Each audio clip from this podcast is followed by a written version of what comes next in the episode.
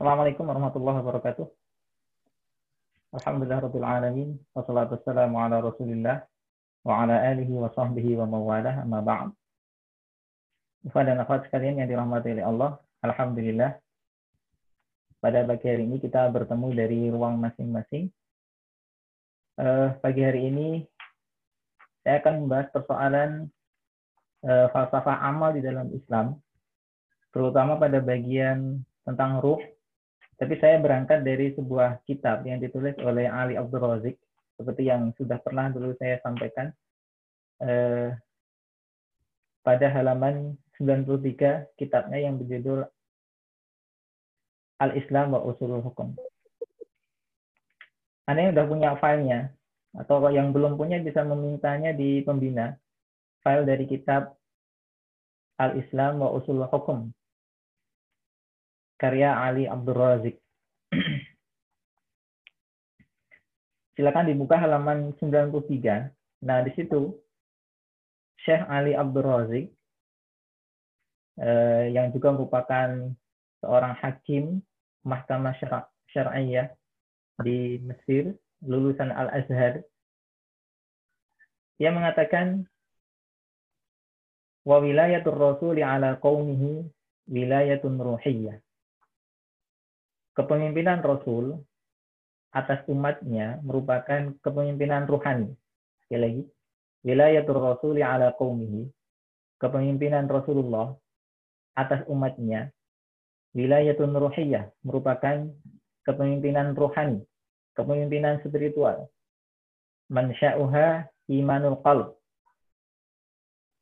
Kepemimpinan spiritual itu lahir dari iman yang ada di dalam hati wa khudu'uhu khudu'an sadiqan tamman. Ketundukan terhadap kepemimpinan Rasul. Ketaatan terhadap kepemimpinan Rasul sebagai kepemimpinan spiritual itu khudu'an sadiqan. Ketundukan yang jujur, ketundukan yang tulus, taman, sempurna. Yattabi'uhu khudu'al jism. Yang ah, maaf, yattabi'uhu khudu'ul jism yang diikuti oleh ketundukan jasad. Jadi ya itu bisa dilihat teksnya di halaman 93. Wilayatul Rasuli ala qaumihi wilayatun ruhiyatun kepemimpinan Rasul atas kaumnya merupakan kepemimpinan spiritual mansya'uha imanul qalb lahir dari keimanan hati. Halaman 93 khudu'uhu khudu'an sadiqan tamman. Ketundukan terhadap kepemimpinan Rasul. Sifatnya tulus sadiqan jujur taman sempurna. Yattabi'uhu khudu'al jism yang kemudian ketundukan hati itu diikuti oleh ketundukan jasad. Begitu. Itu kepemimpinan Rasulullah Shallallahu Alaihi Wasallam menurut menurut Ali Abdul Razik. Kepemimpinan spiritual yang lahir dari keimanan hati yang diikuti oleh ketundukan fisik badan kita. Nah, kemudian kepemimpinan Rasul ini didudukkan secara berlawanan dengan kepemimpinan kepala negara. Dia melanjutkan wa wilayatul hakimi wilayatun madiyatun. Wa wilayatul hakimi wilayatun madiyatun. Sedangkan kepemimpinan seorang hakim. Hakim di sini maksudnya adalah kepala negara. Wilayatun madiyah merupakan kepemimpinan yang bersifat material. Jadi kalau kepemimpinan Rasul itu wilayatun ruhiyah, maka kepemimpinan seorang kepala negara sifatnya itu madiyah, kepemimpinan materi. Nah, di sini ada dikotomi. Ada penentangan atau pertentangan di antara dua hal. Ali Abdul Razik menentangkan dua hal, yakni kepemimpinan Rasul satu sisi dan kepemimpinan seorang kepala negara di sisi yang lain. Kemudian ruh di satu sisi dan materi di sisi yang lain. Begitu. Jadi ada kata kuncinya ada wilayah wilayatul rasul dan sifatnya ruhiyah, wilayatul hakim sifatnya madiyah. Nah, wilayatul hakim itu ta'tamidu ikhda' al-jism. Ta'tamidu ikhda' al-jism min ghairi an yakuna laha bil qulub ittisalun. Ikhda' al-jismi min ghairi an yakuna laha bil qulubi ittisalun Kepemimpinan seorang kepala negara itu dimaksudkan untuk menundukkan jasad, menundukkan raga manusia. Min ghairi ayyakuna laha bil qulubi Tanpa ada kaitannya sama sekali dengan ketundukan hati. Jadi ketundukan kita kepada kepala negara menurut Ali Abdul Razik ini hanya persoalan eh, persoalan ketundukan yang sifatnya material saja. Takut dihukum, ya, takut didenda, eh, takut dikenai sanksi, begitu. Sehingga kita kemudian tunduk kepada seorang pemimpin atau juga takut untuk terjadi kekacauan misalnya kekacauan dalam kehidupan dunia kalau kita tidak taat kepada pemimpin misalnya kita taat kepada rambu-rambu lalu lintas karena sekedar takut supaya eh, takut kalau terjadi kekacauan lalu lintas itu saja bukan berasal dari keimanan, bukan berasal dari ketundukan hati. Ini menurut Ali Abdul. Kemudian dia melanjutkan masih pada paragraf yang sama, tilka wilayatu hidayatin ilallah. Tilka itu maksudnya adalah agama atau kepemimpinan Rasul wilayatu hidayatin merupakan kepemimpinan hidayah ilallah menuju Allah. Fa irsyadin ilaihi dan irsyad petunjuk menuju Allah.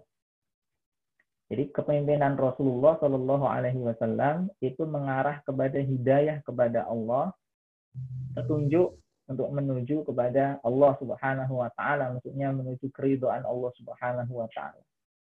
Itu kepemimpinan Rasulullah, kepemimpinan ruhiyah. Wahadihi wilayatu tadbirin lima salihil hayah wa imaratil ard wa hadhihi dan kepemimpinan yang ini maksudnya adalah kepemimpinan negara wilayatu tadbirin merupakan kepemimpinan untuk mengatur lima salihil hayah kemaslahatan kehidupan dunia wa imaratil ard dan bagaimana memakmurkan kehidupan dunia, kehidupan di muka bumi. Jadi pada bagian ini Ali Abdul Razik mempertentangkan uh, kepemimpinan Rasul dengan kepemimpinan kepala negara. Kalau kepemimpinan Rasul itu adalah pemimpin dalam perjalanan menuju Allah Subhanahu wa taala, perjalanan menuju akhirat, perjalanan menuju surga gitu. Sedangkan yang ini maksudnya adalah kepemimpinan duniawi, kepemimpinan seorang kepala negara. Eh, mana tadi? Merupakan tadbiri, tadbirin, wilayah tadbirin lima salihil hayat.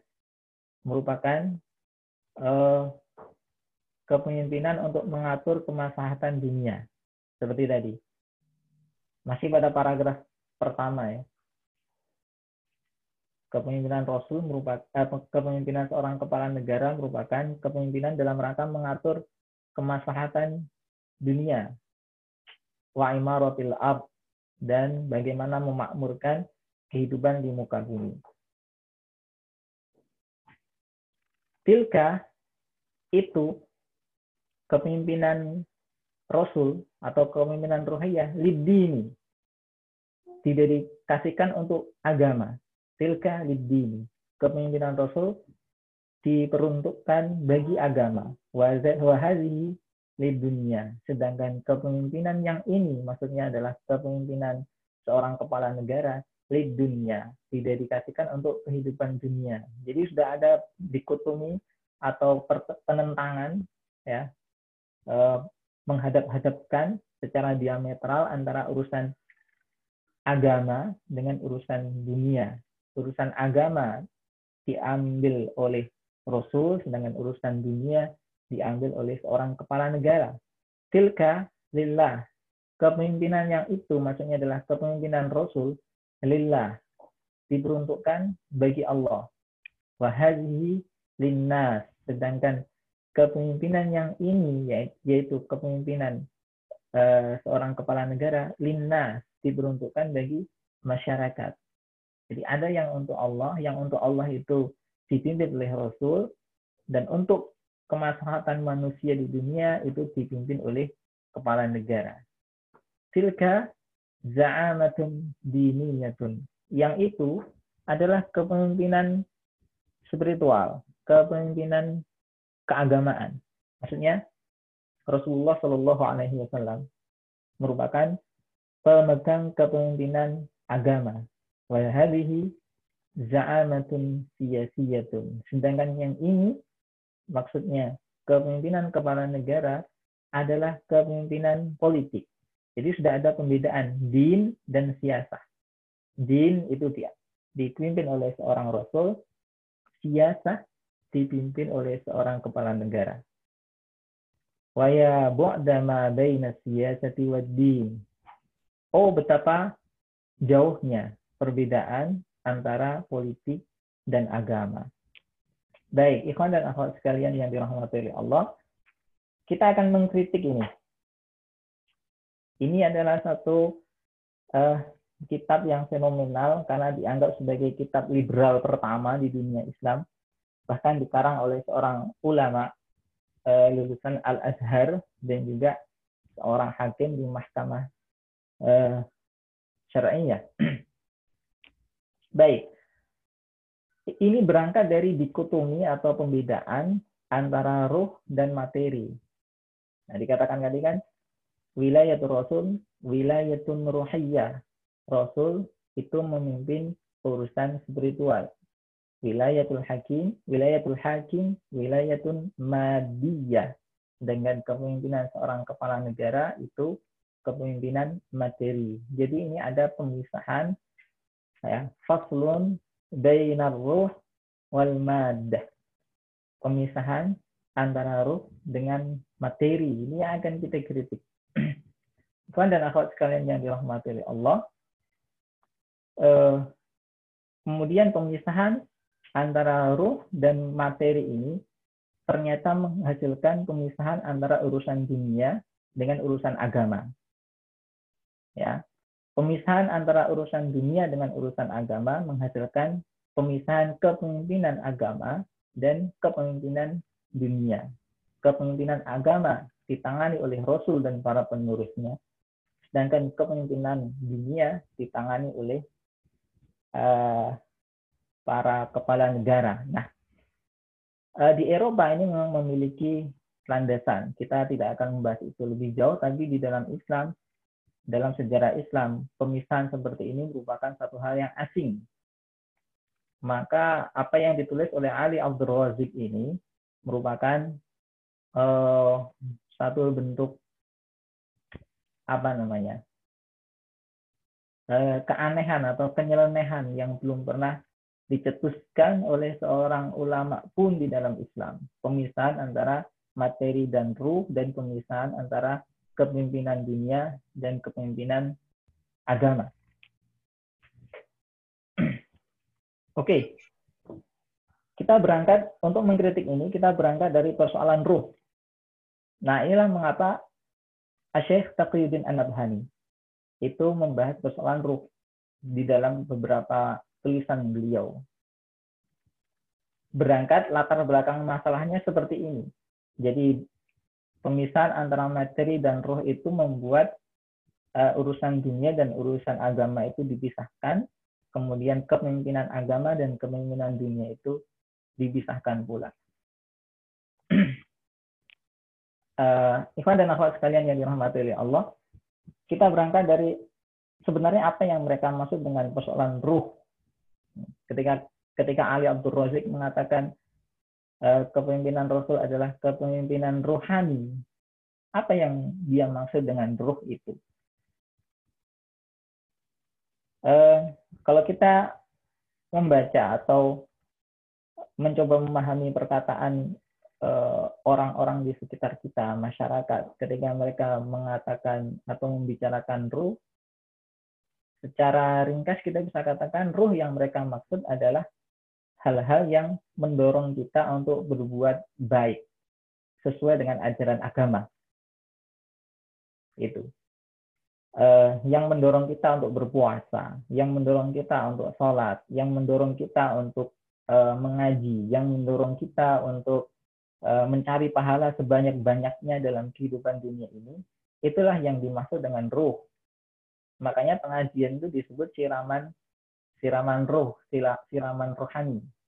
Karena pengajian itu diharapkan bisa memperkuat ruh. Apa itu ruh? Yaitu tadi yang membawa manusia, yang mengajak manusia kepada amal ibadah yang mendekatkan kita kepada Allah atau eh, membuat kita menjadi orang yang layak untuk menjadi penghuni surga. Nah, eh, inilah yang sebenarnya faktanya yang mereka maksud dengan ruh. Makanya kepemimpinan rohani maksudnya adalah kepemimpinan yang mengajak kepada kebaikan, ilallah, kepada Allah. Begitu. Nah, sebenarnya kenapa mereka menyebut uh, kekuatan yang membawa kebaikan ini sebagai ruh? Ini ceritanya panjang ya.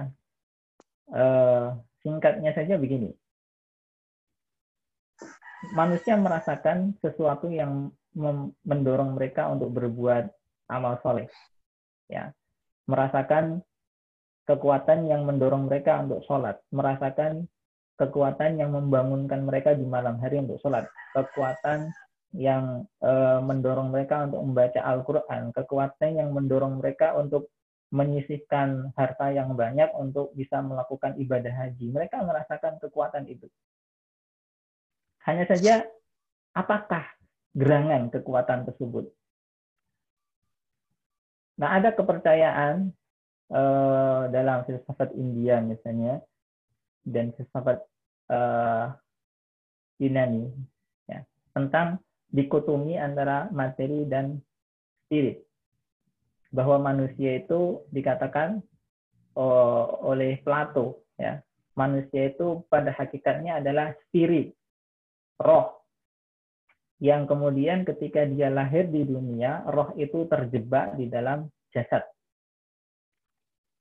Nah roh itu pada prinsipnya sifatnya baik uh, mulia dan kekal abadi. Roh itu tidak bisa mati Nah, sedangkan ketika roh itu terperangkap ke dalam jasad, eh, roh ini kemudian melupakan ilmu yang telah dia miliki, eh, apa namanya, materi itu membuat roh melupakan ilmu yang telah di, dimiliki sebelumnya dan menjadikan eh, manusia itu memiliki hasad kepada hal-hal yang sifatnya duniawi, seperti makan, harta, kekuasaan, ambisi, non sewu seks dan lain sebagainya.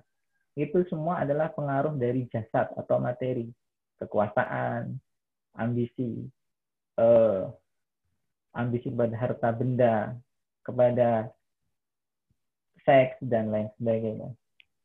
Maka keberadaan jasad itu mendegradasi atau menurunkan kualitas manusia yang aslinya adalah roh. Maka ada persepsi bahwa segenap kebaikan itu munculnya dari perkataan roh atau daya tarik roh, kekuatan roh. Sedangkan keburukan itu munculnya dari jasad. Begitu. Maka kemudian manusia secara apa ya? tradisi sejak zaman dulu menyebut kekuatan yang menarik manusia kepada kebaikan itu disebut sebagai kekuatan roh kekuatan ruh. menyangka bahwa itu adalah khasiat dari eh, nyawa atau apa istilah lain dari nyawa itu eh, ya roh gitu saja ya, yang dimiliki oleh manusia. Nah, kemudian Syekh Tawudin Al-Abhani menjelaskan sebenarnya manusia itu lahir dalam keadaan fitrah. Yang mendorong manusia untuk berbuat ini itu. Entah e, berorientasi kepada kekuasaan, berorientasi kepada harta, berorientasi kepada ketertarikan lawan jenis, kemudian ibadah kepada Tuhan, itu semua lahir dari kebutuhan fisik dan kebutuhan naluri manusia. Disebut sebagai hajatul obwiyah dan gharaiz. Tidak ada kaitannya dengan persoalan pembagian jasad dengan ruh. Itulah memang fitrah manusia. Fitrah manusia eh, makhluk hidup yang memiliki akal, kemudian memiliki kebutuhan-kebutuhan jasmani dan kebutuhan-kebutuhan materi. Tidak ada yang buruk dengan akal, tidak ada yang, yang buruk dengan kebutuhan jasmani, tidak ada yang buruk dengan kebutuhan-kebutuhan naluri. Tinggal bagaimana potensi tersebut, ya, tokoh potensi yang dimiliki oleh manusia tersebut baik berupa akal, kebutuhan-kebutuhan fisik, kebutuhan-kebutuhan naluri itu bisa diatur sedemikian rupa sehingga sesuai dengan perintah dan larangan Allah Subhanahu wa taala. Nah, keinginan untuk mengatur ya, kekuatan yang ada dalam diri manusia untuk mengatur segenap perbuatan dalam rangka memenuhi kebutuhan eh, fisik dan naluri itu itulah yang disebut ruh oleh masyarakat. Oh, saya ingin saya tidak mau uh, mencari rezeki dengan cara yang tidak baik. Saya ingin mendapatkan rezeki yang halal. Ini sebenarnya dorongan yang dirasakan. Ya, saya ingin makan makanan yang halal. Saya ingin menikah dengan cara yang halal. Saya ingin beribadah dengan cara yang benar dan seterusnya. Manusia merasakan dorongan itu hanya mereka nggak tahu betul, nggak tahu persis dorongan ini berangkat dari mana. Dorongan ini berasal dari mana. Maka sebagian besar manusia menyangka atau ada anggapan bahwa itu khasiat dari kekuatan nyawa atau kekuatan uh, sukma manusia atau roh manusia. Nah, Syekh Tabrani menjelaskan bukan, bukan kekuatan roh manusia yang bertentangan dengan uh, kekuatan materi. Tidak lain, yang mendorong manusia untuk berbuat baik adalah apa? khasiat akal manusia dan akal dan perasaan manusia berupa kesadaran akan hubungannya dengan Allah Subhanahu wa taala. Bagaimana kesadaran akan hubungannya dengan Allah Subhanahu wa taala ini muncul? Ya pertama dari akal bahwa dia memang memahami Allah itu ada. Dan dia tahu bahwa Allah itu selalu mengawasi. Dia tahu bahwa Allah itu menurunkan syariat. Dia tahu bahwa Allah itu akan mematikan. Dia tahu bahwa Allah akan menghidupkannya. Dia tahu bahwa Allah akan meminta pertanggungjawabannya. Dia tahu bahwa Allah akan mengukur setiap perbuatan kita dengan syariat yang telah dia turunkan. Dia tahu bahwa Allah nanti akan membalas seluruh amalnya, baik yang berupa eh, kebaikan maupun keburukan dengan surga dan neraka. Dia tahu itu semua. Ini adalah efek dari akal. Dari dia berpikir tentang alam, tentang uh, kehidupannya, tentang dirinya, uh, tentang syariat yang dibawa oleh Rasulullah Muhammad SAW, tentang Al-Quran, dan seterusnya. Nah, berbagai macam pengetahuan yang telah dibenarkan oleh akalnya ini kemudian memunculkan kesadaran akan hubungan dia dengan Allah Subhanahu wa taala. Inilah yang membuat dia melaksanakan sholat. Inilah yang membuat dia membayar zakat. Inilah yang membuat dia membaca Al-Quran inilah yang membuat dia saum Ramadan dan seterusnya. Jadi yang mendorong manusia untuk melakukan kebaikan tidak lain adalah kesadaran manusia akan hubungannya dengan Allah Subhanahu wa taala atau idrokul insan silatahu billah. Nah, dengan demikian, Syekh Takuddin Al-Afhani menjelaskan tidak ada pertentangan antara mat, urusan materi dengan urusan ruhani. Kenapa demikian? Karena seluruh aktivitas manusia itu tidak ada yang sifatnya rohani ansih. Ya, entah itu sholat, itu sholat itu memenuhi satu tadayun. Ya kan? Mencari rizki itu memenuhi apa? Gharizatul baqa. Dan juga hajatul obwiyah. Eh, orang marah itu memenuhi gharizatul baqa. Kemudian orang menikah itu memenuhi gharizatul nau dan seterusnya. Uh, tidak ada perbedaan tidak ada perbedaan nilai antara satu tadayun dengan satu nau ya. Antara sholat dengan mohon menikah itu sama saja. Itu adalah perbuatan melampiaskan kebutuhan naluriah. Perbedaannya di mana?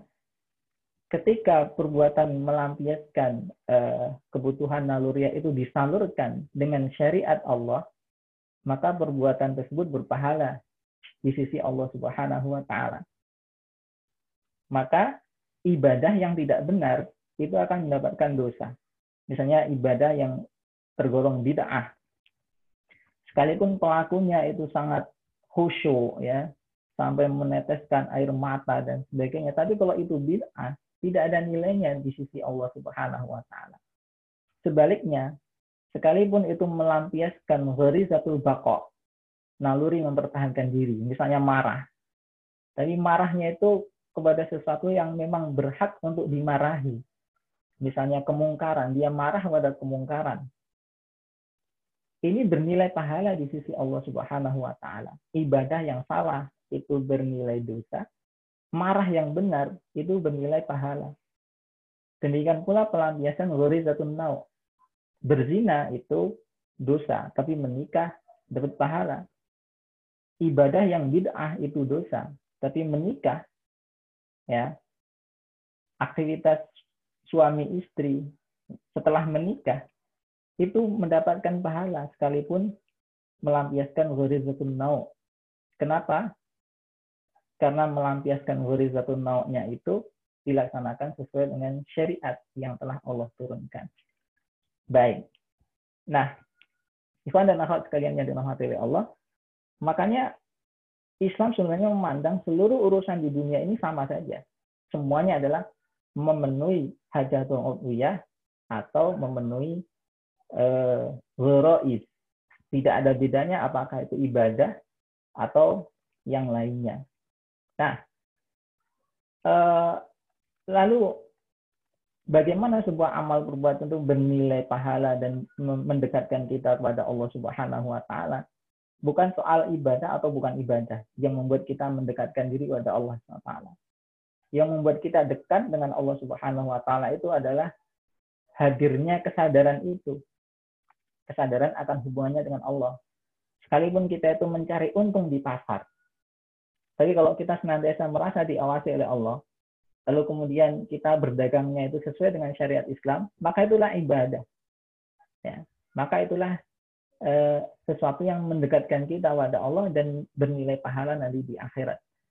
Kita pergi ke masjid melaksanakan sholat, maka itulah ibadah dan memiliki pahala di sisi Allah Subhanahu wa taala. Jadi semua kegiatan kita adalah sifatnya duniawi, sifatnya materi, sifatnya memenuhi hajatul obwiyah dan gharaib. Hanya saja semuanya harus bernilai nanti di kehidupan akhirat. Semuanya harus bernilai ibadah. Caranya gimana? Caranya semuanya dilakukan atas dasar kesadaran akan hubungan kita dengan Allah Subhanahu wa taala. Artinya semuanya harus didasari pada ruh. Harus bertolak kepada dari ruh. Yang kedua, yang pertama ya, dilakukan dengan kesadaran akan hubungan kita dengan Allah. Kalau kita sudah sadar akan hubungan kita dengan Allah, seluruh aktivitas kita yang sifatnya materi itu, baik sholat, zakat, puasa, haji, maupun pergi ke pasar, semua yang materi itu harus dilaksanakan sesuai dengan syariat Islam. itulah yang akan membuat hamba itu dekat dengan Allah Subhanahu wa taala. Itulah zikir yang sebenarnya. Zikir yang tidak hanya di musola, zikir yang tidak hanya di masjid, zikir yang tidak hanya di mihrab, tapi zikir yang ada di pasar, zikir yang ada di medan perang, zikir yang ada di perkantoran, zikir yang ada di sekolah-sekolah, yakni senantiasa ingat Allah dan melangkah sesuai dengan syariat yang telah diturunkan oleh Allah Subhanahu wa taala. Kesadaran akan hubungan kita dengan Allah itu sifatnya non materi, sedangkan perbuatan kita sifatnya materi. Nah, falsafah amal di dalam Islam, Syekh Saguddin Anak Hadi menjelaskan itu adalah menggabungkan antara materi dengan ruh yakni amal perbuatan kita yang materi itu senantiasa dilaksanakan atas dasar kesadaran kita akan hubungan kita dengan Allah Subhanahu wa taala.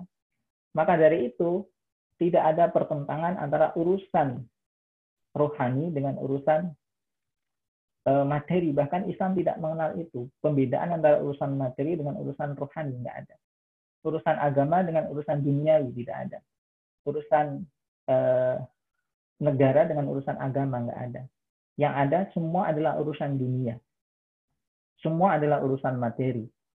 Tapi semua harus dilaksanakan atas dasar kesadaran kita akan hubungannya dengan Allah. Yang pertama. Yang kedua, harus dilaksanakan dengan syariat Allah Subhanahu wa taala. Itu yang kedua. Ada lagi yang ketiga, semuanya harus dilaksanakan demi meraih keridoan Allah Subhanahu wa taala, baik itu sholat maupun berdagang, baik itu tahajud maupun berperang, baik itu bersujud dan menangis di hadapan Allah maupun marah di hadapan musuh, di hadapan kemungkaran. Itu semuanya demi meraih ridho Allah Subhanahu wa taala. Demikian, jadi pembahasan Syekh Safirin Anathani tentang ruh itu sebenarnya berangkat dari sesuatu hal yang real di tengah masyarakat kita. Adanya kekeliruan dikotomi antara urusan agama dengan urusan dunia, urusan materi dengan urusan rohani. Syekh Tajuddin Anak Hani ingin menjelaskan semuanya kegiatan kita adalah materi. Dalam arti semuanya hanyalah memenuhi hajatul obwiyah dan rois. Tidak ada nilai ibadahnya sama sekali, kecuali jika seluruh pelampiasan hajatul obiyah dan ghorois itu dilaksanakan atas dasar kesadaran kita akan hubungan kita dengan Allah, dilaksanakan sesuai syariat, dan ditujukan untuk meraih keriduan Allah Subhanahu wa taala. Baik. Itu yang bisa saya sampaikan ya eh, terkait dengan persoalan ruh kemudian falsafah amal dalam Islam kata kuncinya adalah masjid madah birruh menyatukan antara materi dengan ruh menyatukan aktivitas dengan kesadaran hubungan kita dengan Allah Subhanahu wa taala. Baik. Oke, okay, karena ini spesial Ramadan barangkali eh, ada yang ingin menyampaikan sesuatu, ada yang tidak jelas dari apa yang saya sampaikan tadi, eh, silahkan. Nggak ada moderatornya ya.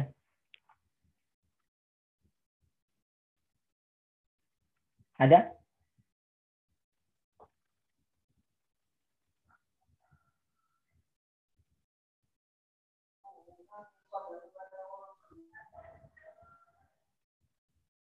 Suaranya kurang jelas.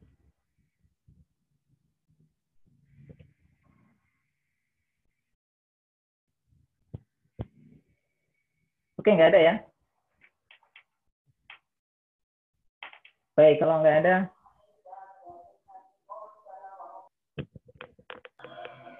Afan Ustaz ada itu di chat. Oh, di chat.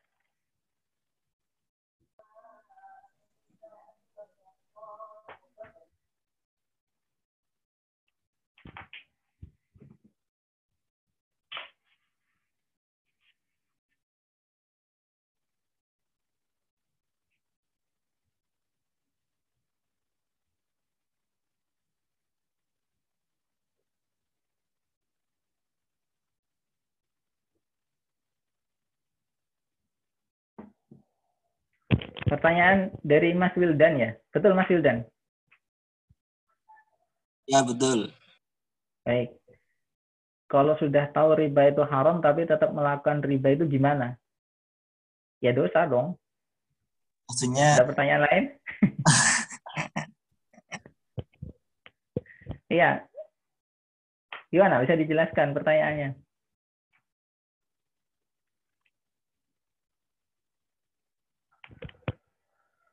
Mas Wildan? nggak tidak. Tadi mau tanya terus lupa ya Hmm. maksudnya tadi. Lanjut aja, lanjut. Oke, Nanti tak jadi ingat-ingat lagi. eh, orang yang sudah tahu sebuah perbuatan itu haram, misalnya riba itu haram, tapi kok dia tetap melakukannya, ini persoalannya di mana? Ah, ya, ya, maksudnya gitu. Iya. Eh, jadi kalau kita baca kitab Syakhsiyah jilid yang pertama, itu ada pembahasan tentang kejanggalan perilaku. Suguroh fisuluk. Nah, seorang muslim itu bisa melakukan perbuatan yang menyalahi Islam karena tiga sebab. Sebab yang pertama adalah lupa mengaitkan uh, antara pemahamannya ya lupa mengaitkan antara pemahamannya dengan uh, akidah. Misalnya begini, seseorang diajak berbisnis, eh aku punya bisnis begini-begini, ya, yuk kamu ikut menjadi pemodal. Nah, ketika itu yang dia pikirkan itu hanya keuntungan. Oh ya ini bisnisnya menguntungkan. Dia tidak ingat bahwa bisnis itu menjadi salah satu item yang nantinya akan dihisap oleh Allah Subhanahu wa taala. Sehingga sebelum dia berbisnis dan menyetujui sebuah rencana bisnis, dia harus mengkajinya dulu menurut syariat atau menanyakan kepada orang yang tahu syariat. Dia lupa. Dia hanya langsung berdasarkan ghorizahnya ya atau berdasarkan ghorizatul uh, berdasarkan hajatul obliyahnya. Nah, mencari rezeki itu bisa ghorizah ghorizatul baqo, bisa hajatul obliyah betul ya. Nah, dia hanya melakukan uh, perbuatan itu memutuskan mau gabung atau enggak dengan rencana bisnis itu hanya berdasarkan uh, dorongan kebutuhan saja. Dia lupa mengaitkannya dengan uh, persoalan pemahaman. Nah, di sini dia tidak mengaktifkan ruh, tidak mengaktifkan ruh. Jadinya dia hanya melakukan perbuatan itu saja tanpa berpikir halal haram. Itu yang pertama. Yang kedua, seorang muslim itu bisa melakukan perbuatan yang keliru karena nggak tahu. Nah ini bukan bukan uh, hal yang ditanyakan oleh, oleh Mas Yudan ya. Ya. Dia nggak tahu kalau riba itu haram. Jadi dia dia melakukan bisnis ribawi tanpa tahu kalau itu adalah uh, tanpa belum belum pernah tahu bahwa di dalam Islam itu ada larangan riba. Dan ini nggak mungkin ya kelihatannya karena riba itu sangat terkenal ma'lumun minad dini bidururah. Yang ketiga, jadi yang pertama adalah karena dia lupa mengaitkan amal dengan pemahaman. Yang kedua, dia tidak tahu. Yang ketiga adalah kata Syekh Jabir An-Nabani istilahnya digoda setan. Nah, digoda setan. Setan itu bisa apa saja. Bisa segala sesuatu yang yang mendorong kita untuk melakukan kemaksiatan itu setan bisa teman kita, bisa yang lainnya. Jadi dia udah tahu kalau itu adalah perbuatan yang haram, tapi tetap dilakukan karena digoda setan. Maksudnya adalah dia sengaja melakukan kemaksiatan. Nah ini tentu saja berdosa, dosa besar karena ini riba. Nah apakah dia kekal di neraka? Ini persoalan lain. Ya, menurut penjelasan Syekh, apa Abu Rushdah, orang yang melakukan riba itu tidak kekal di neraka kalau dia masih meyakini riba itu haram. Tapi kalau dia menolak keharaman riba, nah ini ini kekal di neraka karena dia mengingkari persoalan yang maklumun minadin bidorurah. Begitu. Insya Allah demikian yang saya tahu.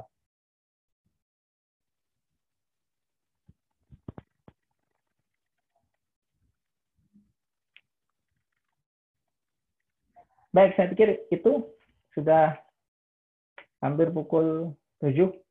Mohon maaf jika ada hal yang kurang berkenan di hati Ikhwan dan akhwat sekalian. Eh, kita tutup perjumpaan jarak jauh kita. Subhanakallahumma bihamdika asyhadu an la ilaha illa anta astaghfiruka wa atubu ilaik. Wassalamualaikum warahmatullahi wabarakatuh.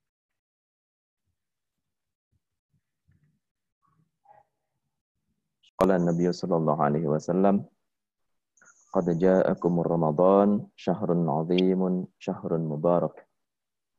Tuftahu abwabal jinan wa tughlaqu abwabal jahim wa tudhillu bihi syayatin. Uh, rekan-rekan santriwan dan santriwati yang dirahmati Allah Subhanahu wa taala alhamdulillah pada pagi hari ini kita masih diberikan kesempatan oleh Allah Subhanahu wa taala untuk bisa ber bertemu uh, berjumpa maya ya, dalam nuansa yang alhamdulillah sangat diberkahi Allah Subhanahu wa taala. Kita diperkenankan untuk bertemu kembali dengan tamu agung bulan yang penuh dengan keberkahan yang hari Ramadan Karim dalam kondisi sehat semua dalam kondisi ceria meski di tengah wabah yang tengah melanda uh, bumi kita tercinta. Mudah-mudahan tidak mengurangi spirit kita untuk mengisi hari-hari di bulan penuh dengan keberkahan ini. Salawat salam semoga tetap tercurahkan pada junjungan kita Nabi besar Muhammad Sallallahu Alaihi Wasallam. Segenap keluarga, sahabat dan kita selaku umatnya mudah-mudahan mendapatkan syafaat nanti di yaumil qiyamah. Amin. Uh, seperti biasa, insya Allah kita akan mengawali kembali uh, di Rosa Yaumiyah, yang di Rosa pagi kita. Uh, sebagaimana yang sudah-sudah, uh, kita akan membahas kitab Al-Ghayah wa Taqrib di hari Senin pagi.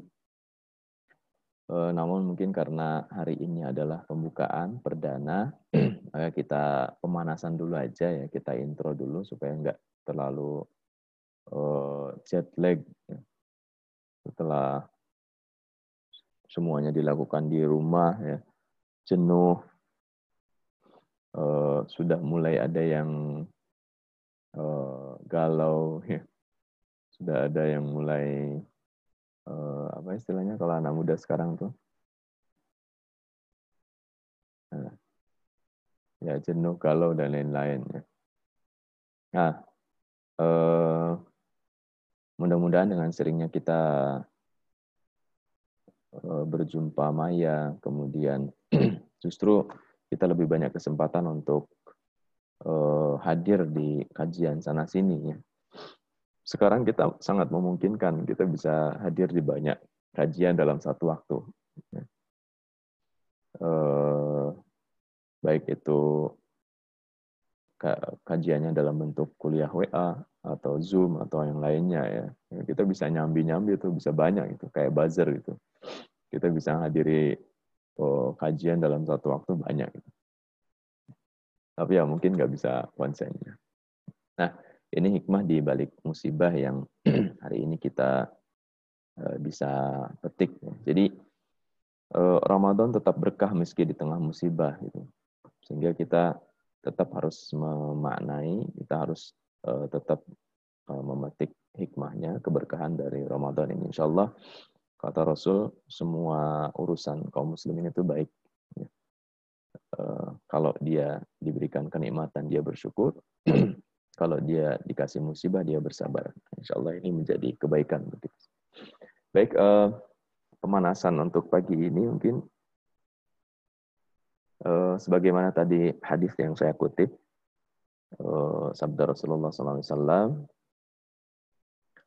uh, kenapa rahasianya kemudian Allah menjadikan, uh, kenapa bulan ini menjadi bulan yang istimewa, ya istimewa bagi kita sebagai kaum muslimin tentunya karena Allah Subhanahu wa taala yang mengistimewakan bulan ini, yang mengistimewakan bulan Ramadan dibandingkan 11 bulan yang lainnya. Sebab apa? Sebab ada satu keistimewaan yang menjadikan Ramadan ini istimewa. Ya, kalau kita tahu eh, kalau kita perhatikan memang keistimewaan-keistimewaan yang Allah berikan itu tidak lain dan tidak bukan semua karena Al-Quran.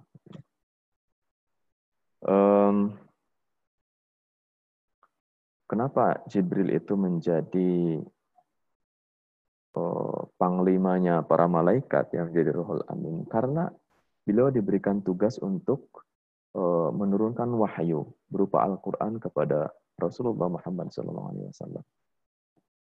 Kenapa Rasulullah Muhammad SAW ini menjadi manusia yang paling istimewa? Karena beliau ini yang mendapatkan amanah untuk mendakwahkan Al-Quran beliau mendapatkan wahyu berupa Al-Quran dari Allah Subhanahu wa Ta'ala. Kenapa uh, apa namanya Lailatul Qadar ini menjadi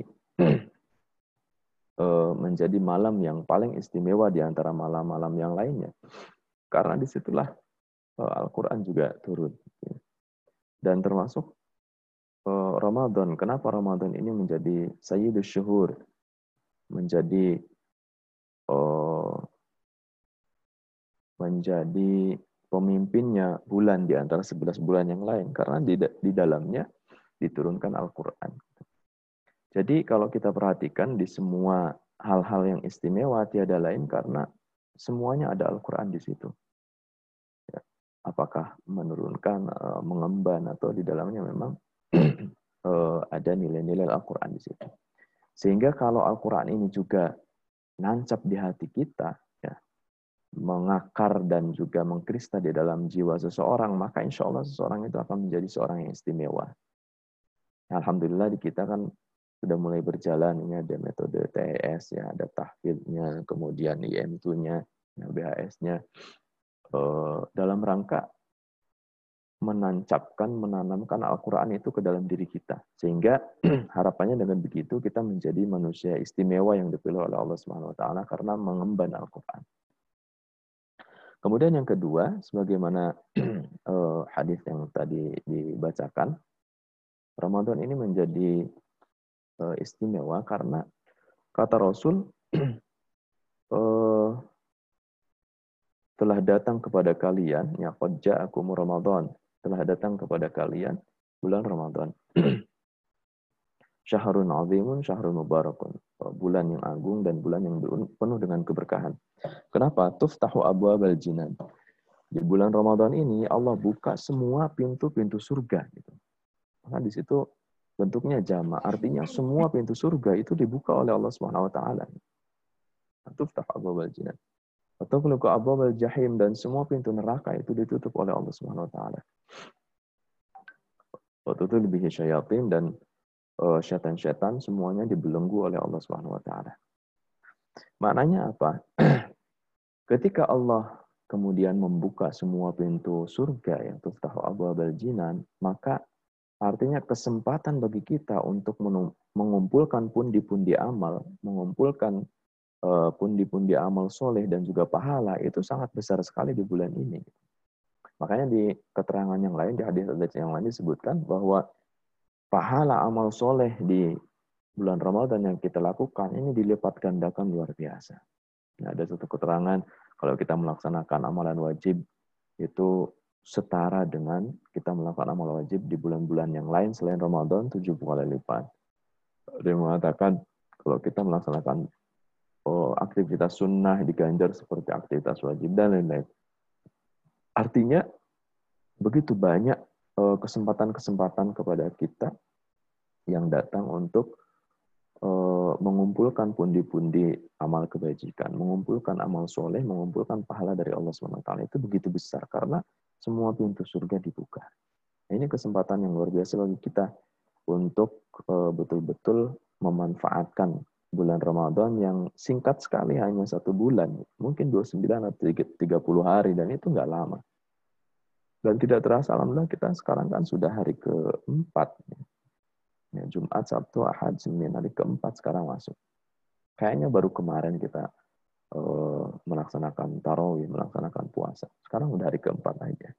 Jadi sangat singkat sekali, makanya dalam waktu singkat ini manfaatkan uh, waktu yang Allah buka semua pintu surga ini untuk mengumpulkan pundi-pundi amal soleh bagi kita. Eh, dan buktinya terasa sekali oleh kita.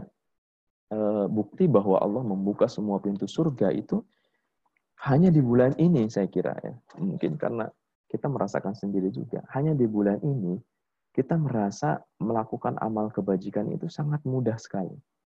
Betapa mudah orang itu oh, berinfak. Ya. Banyak yang kemudian berlomba-lomba ingin memberikan oh, infak untuk takjil, untuk sahur bareng dan lain sebagainya. Banyak sahur on the road, banyak buka on the road dan lain sebagainya.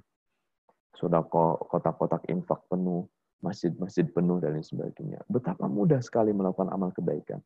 Kenapa? Karena Allah membuka semua pintu rahmat, membuka semua pintu surga.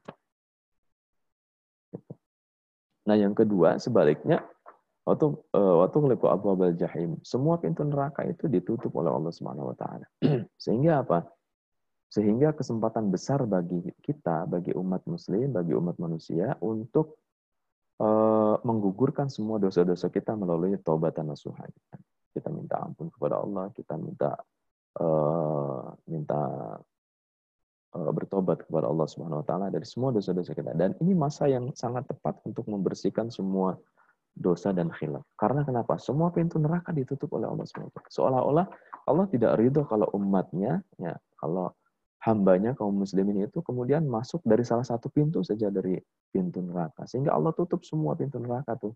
Jangan sampai kaum muslimin ada yang masuk ke situ. Ini saking sayangnya Allah kepada kita. Sehingga kita harus manfaatkan juga bulan Ramadan ini untuk apa? Untuk bertaubat secara uh, taubatan nasuha kepada Allah ya, hapus semua amal-amal buruk kita selama 11 bulan yang lalu. Kemudian yang pada akhirnya kita akan masuk ke dalam Idul Fitri. Ya. Harapannya kita sudah betul-betul bersih karena dosa kita sudah bersih diampuni oleh Allah. Kemudian yang yang tersisa adalah pahala kita yang banyak karena kita melakukan amal kebajikan yang banyak. Nah itu jadi jadi manfaatkan uh, waktu yang hanya satu bulan ini untuk uh, kita meminta ampunan, memohon ampunan kepada Allah, bertobat taubatan nasuha kepada Allah SWT. Dan catatannya, jangan sampai setelah syawal ke sana, menjelang Ramadan lagi, diulang lagi dosanya gitu. Sehingga disebut taubat sambal nanti. Nah, uh, cukup selesai sampai di sini saja, sehingga ke depannya yang yang harus kita lakukan adalah bagaimana memperbaiki diri dan memperbanyak justru amal kebajikan. Ayat ketiga, semua setan itu dibelenggu. nah ini juga yang eh, yang menjadikan kita sangat mudah berbuat kebaikan dan juga eh, berhati-hati dalam melakukan kesalahan, kemaksiatan dan dosa-dosa di bulan Ramadan ini. Banyak orang yang sangat berhati-hati bahkan hanya berkumur saja dia sangat hati-hati ada masuk air ke dalam eh, tenggok kerongkongannya. Ada sedikit saja makanan yang masuk, sedikit saja dia menggibah, gitu. Sedikit saja dia melakukan kesalahan, dia sangat hati-hati. Kenapa? Tadi karena semua pintu surga dibuka, semua pintu neraka ditutup, dan setan dibelenggu. Begitu mudah orang-orang di bulan ini melakukan kebaikan dan juga meninggalkan kemaksiatan. Tapi setelah Syawal kemudian masuk lagi ke bulan-bulan yang lain itu setan balas dendam itu dilepas lagi nah, kayak napi sekarang itu dilepas semua ya sudah merajalela. Mereka balas dendam. Wah ini kesempatan yang sudah dikurung satu bulan dilepasin merajalela mereka membabi buta. Sehingga tidak jarang kita masuk eh, kita kita lihat yang kita perhatikan masuk syawal ya balik lagi itu semua manusia. Karena selain nafsunya yang besar dalam dirinya juga setan sudah dilepasin lagi. Nah ini yang kedua, kenapa bulan Ramadan menjadi istimewa? Karena hadis Rasulullah tadi. nah, yang ketiga ada satu lagi keistimewaan di bulan Ramadan. Saudara sekalian, kalau kita perhatikan di ayat-ayat yang membicarakan tentang puasa ya, tentang tentang puasa Ramadan di surah Al-Baqarah dari mulai ayat 183 sampai 187 ya, lima ayat itu itu semuanya berbicara tentang puasa. Nah, kita lihat ayat 183 itu membicarakan tentang kewajiban puasa bagi kita sebagai orang yang beriman. Ya ayyuhalladzina amanu kutiba alaikumus syiyam kama kutiba alal ladzina min qablikum la'allakum tattaqun. Kemudian ayat selanjutnya 184 itu ayat yang berbicara tentang uh, rukhsah ya bagi orang-orang tertentu boleh tidak berpuasa tetapi harus mengganti ya. Ayyaman ma'dudat wa man kana minkum maridan aw ala safarin fa iddatun min ayyamin ukhra. Bisa memang itu. Kemudian uh, yang ketiga 185 kan berbicara tentang uh, bulan Ramadan ini bulan diturunkannya Al-Qur'an ya. Syahrul Ramadan alladzi unzila fil Qur'an hudan lin-nasi wa bayyinatin minal huda wal dan seterusnya. 185. 187 itu juga berbicara tentang ya. Laila tasyahu ila nisaikum. Uh, uh, gimana? Uhilla lakum ya. Uhilla lakum lailatas siyami rafathu ila nisaikum. Jadi dihalalkan kepada kalian untuk bergaul bersama istri-istri kalian di, malam bulan Ramadan ya ila nisaikum. Jadi kebolehan untuk mendatangi istri-istri di malam Ramadan. Nah, ini khusus bagi yang sudah uh, menikah ya. Jadi di empat ayat ini semuanya berbicara tentang puasa. Tapi uh, luar biasanya ini ada satu ayat yang terselip di situ tapi tidak membicarakan tentang puasa yaitu di ayat 186. Ya, kalau kita perhatikan. Wa idza sa'alaka 'ibadi 'anni fa inni qarib. Ujibu da'watad da'i idza da'an falyastajibu li wal yu'minu bi la'allahum yarshudun. Kan enggak ada enggak ada puasa-puasanya di situ. Tetapi itu diselipkan di ayat-ayat tentang puasa. Ya, di ayat ke-4 185 ayat 186. Ya, wa idza sa'alaka 'ibadi 'anni fa inni qarib. Katakanlah eh, Wahai Muhammad, jika hamba-hambaku bertanya tentang aku, fa inni qarib kata Allah. Sampaikan bahwa aku ini sesungguhnya sangat dekat dengan mereka. Ujibu da'watid da'i idza da'an. Aku akan mengabulkan semua permintaan mereka kalau mereka meminta. Fal yastajibuli wal yu'minu bi la'allahum yarshudun. Syaratnya ada dua kata Allah. Fal yastajibuli satu penuhi dulu semua permintaan dari aku, ya, kewajiban-kewajiban dari Allah, tunaikan dulu semuanya wal yu'minu bi kemudian berimanlah kepadaku dengan keimanan yang sebenar-benarnya yang bulat. Ya tidak ada keraguan sedikit pun. La'allahum yarsudun ya. semoga atau mudah-mudahan mereka mendapatkan petunjuk. Nah kita perhatikan di situ ada satu kalimat yang luar biasa. Ya. uh, ujibu da'wat da'i da'an. Ya. ujibu da'wat da'i da'an Aku mengabulkan semua permohonan hambaku kalau mereka memohon, kalau mereka meminta. Nah ini ini satu keistimewaan bulan Ramadan saya kira. Ya kalau kita perhatikan ini menunjukkan satu keistimewaan bulan Ramadan. Betapa Ramadan itu diistimewakan oleh Allah Subhanahu Wa Taala. Eh, di antara ayat-ayat yang lain diselipkan di situ tentang eh, keajaiban doa orang-orang yang sedang berpuasa, keajaiban doa orang-orang di bulan Ramadan. Jadi bulan Ramadan ini kesempatan bagi kita untuk uh, bermunajat kepada Allah Subhanahu wa taala. Ya. Untuk memohon, untuk meminta, ya, waktu yang sangat mustajab untuk berdoa kepada Allah Subhanahu wa taala. Terutama di beberapa waktu yang sudah disebutkan, misalnya di menjelang buka gitu ya. Uh, sore menjelang buka itu waktu yang sangat mustajab. Di malam hari apalagi yang di uh, sepertiga malam terakhir menjelang sahur ya Allah turun ke langit bumi dan sebagainya. Jadi eh, termasuk eh, ketika sedang berpuasa, ya sedang menjalani puasa itu waktu yang sangat mustajab sekali untuk kita berdoa dan Allah pasti akan kabulkan karena janjinya begitu. Ujibu da'wat da'i dadaan. Gak mungkin kan Allah kemudian menyalahi janjinya, nggak mungkin. Pasti Allah akan menunaikan eh, janjinya. Ketika hamba-hambaku meminta, ujibu da'wat da'i. Allah akan kasih, Allah akan jawab semuanya, Allah akan uh, ijabah semua doanya. Jadi salah satu keistimewaan Ramadan itu menurut ayat ini adalah uh, bulan di mana Allah akan mengijabah secara langsung semua doa-doa yang dipanjatkan oleh hambanya. Nah ini saya kira istimewaan yang luar biasa. Nah makanya eh, tadi yang saya katakan jangan sampai kita lewatkan sedikit pun, ya, sehari pun, satu jam pun, satu detik pun bulan Ramadan ini untuk kita isi dengan berbagai amal kebajikan dan eh, kita betul-betul berhati-hati untuk tidak terjerumus melakukan hal-hal yang eh, membuat Allah murka kepada kita.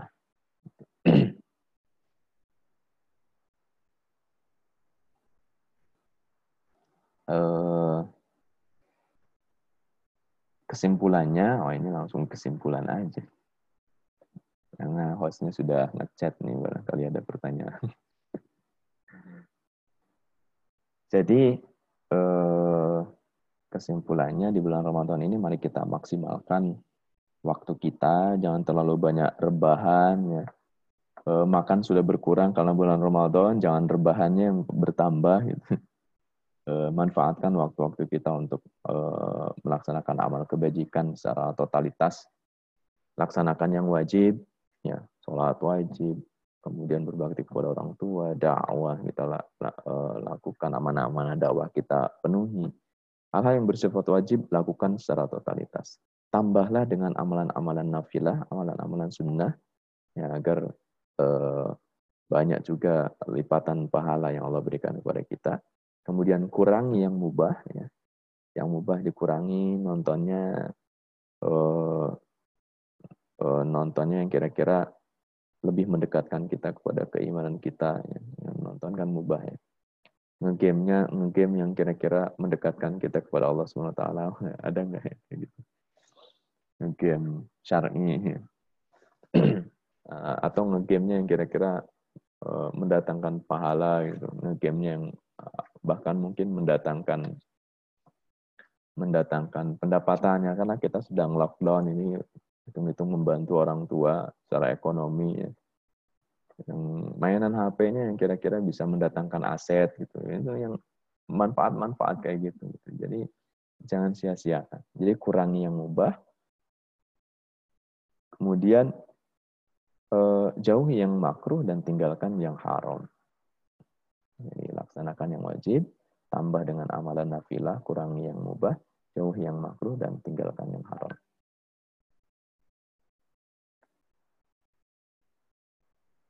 Nah, eh, barangkali untuk pembukaan mungkin eh, itu yang bisa saya sampaikan. Kebetulan kita masuk ya di pembahasan berikutnya itu tentang puasa ya. Kita bersiap. Kebetulan kita masuk di pembahasan tentang puasa, jadi insya Allah nanti eh, pekan depan kita akan bahas. Meski, meski sebetulnya mungkin kalau dari eh, kitab eh, takrib ini mungkin ada beberapa ada beberapa perbedaan dengan kitab-kitab yang lainnya. Ya, nanti tinggal dipelajari saja yang lainnya, tinggal dilihat ya. Baik baik mungkin dari sisi eh, apa namanya yang membatalkan puasa ada banyak mungkin perbedaan pendapat ya.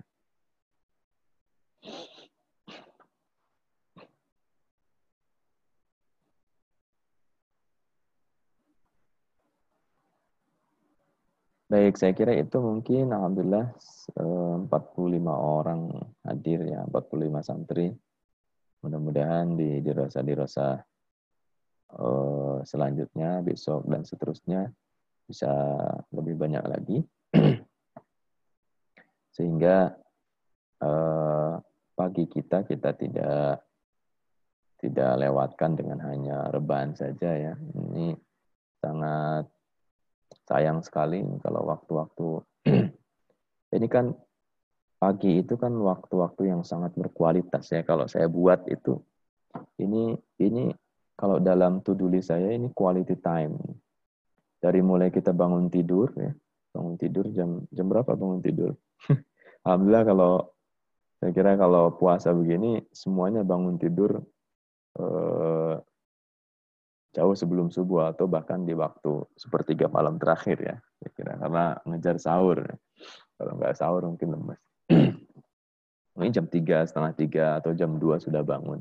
Nah, dari mulai bangun tidur, kemudian kita sholat malam, kita BHS mungkin ya, atau tadarus, atau sekedar hanya murojaah. Kemudian masuk ke sunnah berikutnya, sahur.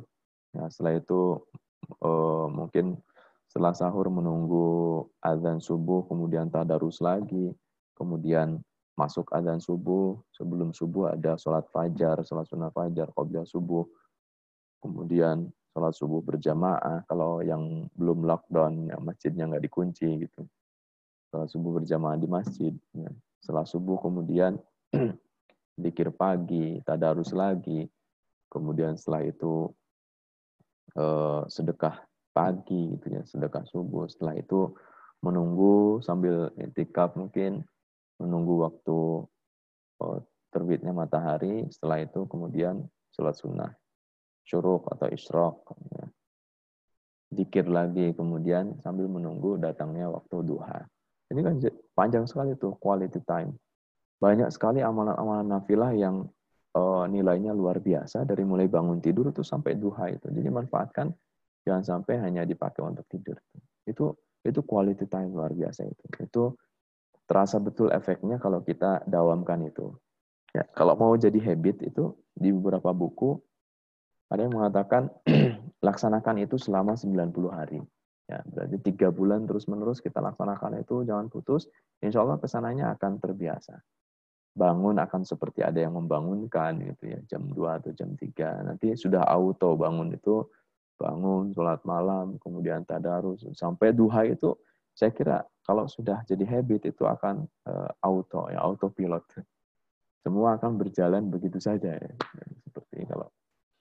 Seperti kalau sudah jadi habit kan uh, seperti refleks kayak contohnya kalau kita mandi ya mandi itu kan tanpa sadar kita itu sebetulnya mengulang-ulang uh, kebiasaan mandi kita itu kalau yang biasa mandi dari kanan dulu itu pasti kalau kita perhatikan itu mandi pasti mengguyur airnya itu dari kanan dulu. Sabunan juga pasti tanpa dirasa itu sabunan pasti sudah jadi habit itu. Pasti sama ya. Kalau pakai sabun itu dari mana dulu ya. Karena itu sudah terbiasa. Setiap hari kan kita mandi. itu. Sholat juga kan begitu. Lima kali dalam sehari itu sudah auto.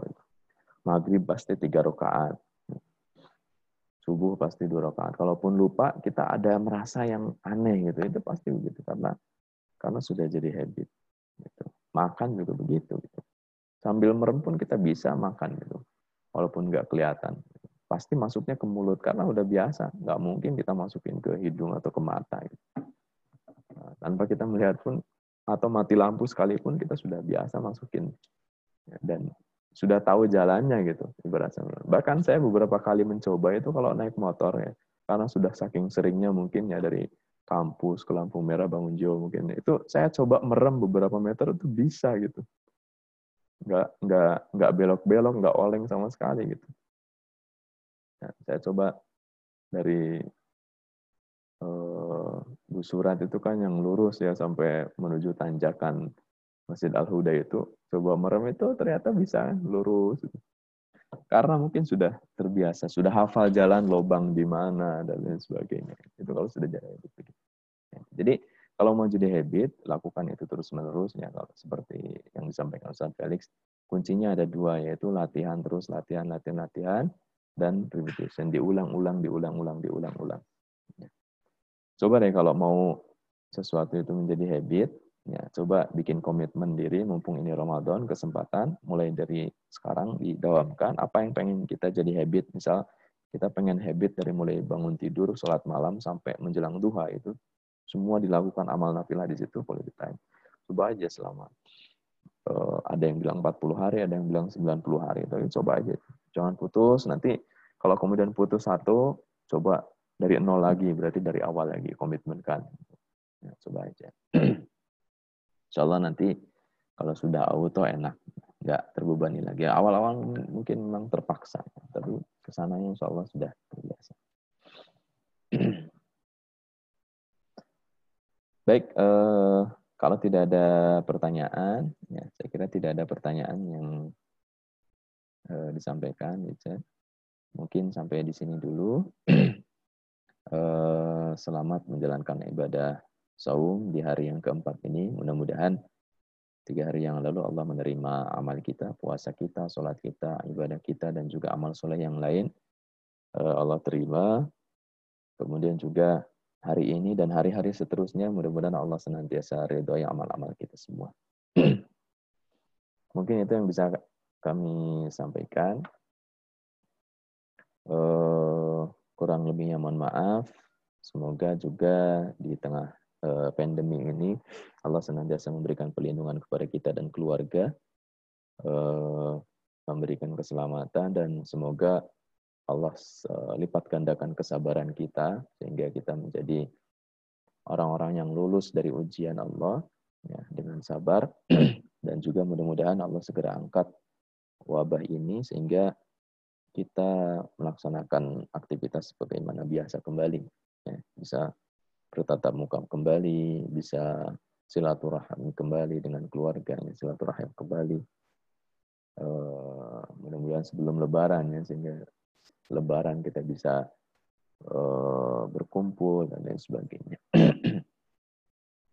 Kasihan yang sudah di asrama lama ini nggak pulang-pulang. Ya. Nah, ini mudah-mudahan kesabarannya dibalas pahala yang berlipat ganda oleh Allah. Baik itu mungkin. Uh, jazakumullahu khair. Assalamualaikum warahmatullahi wabarakatuh.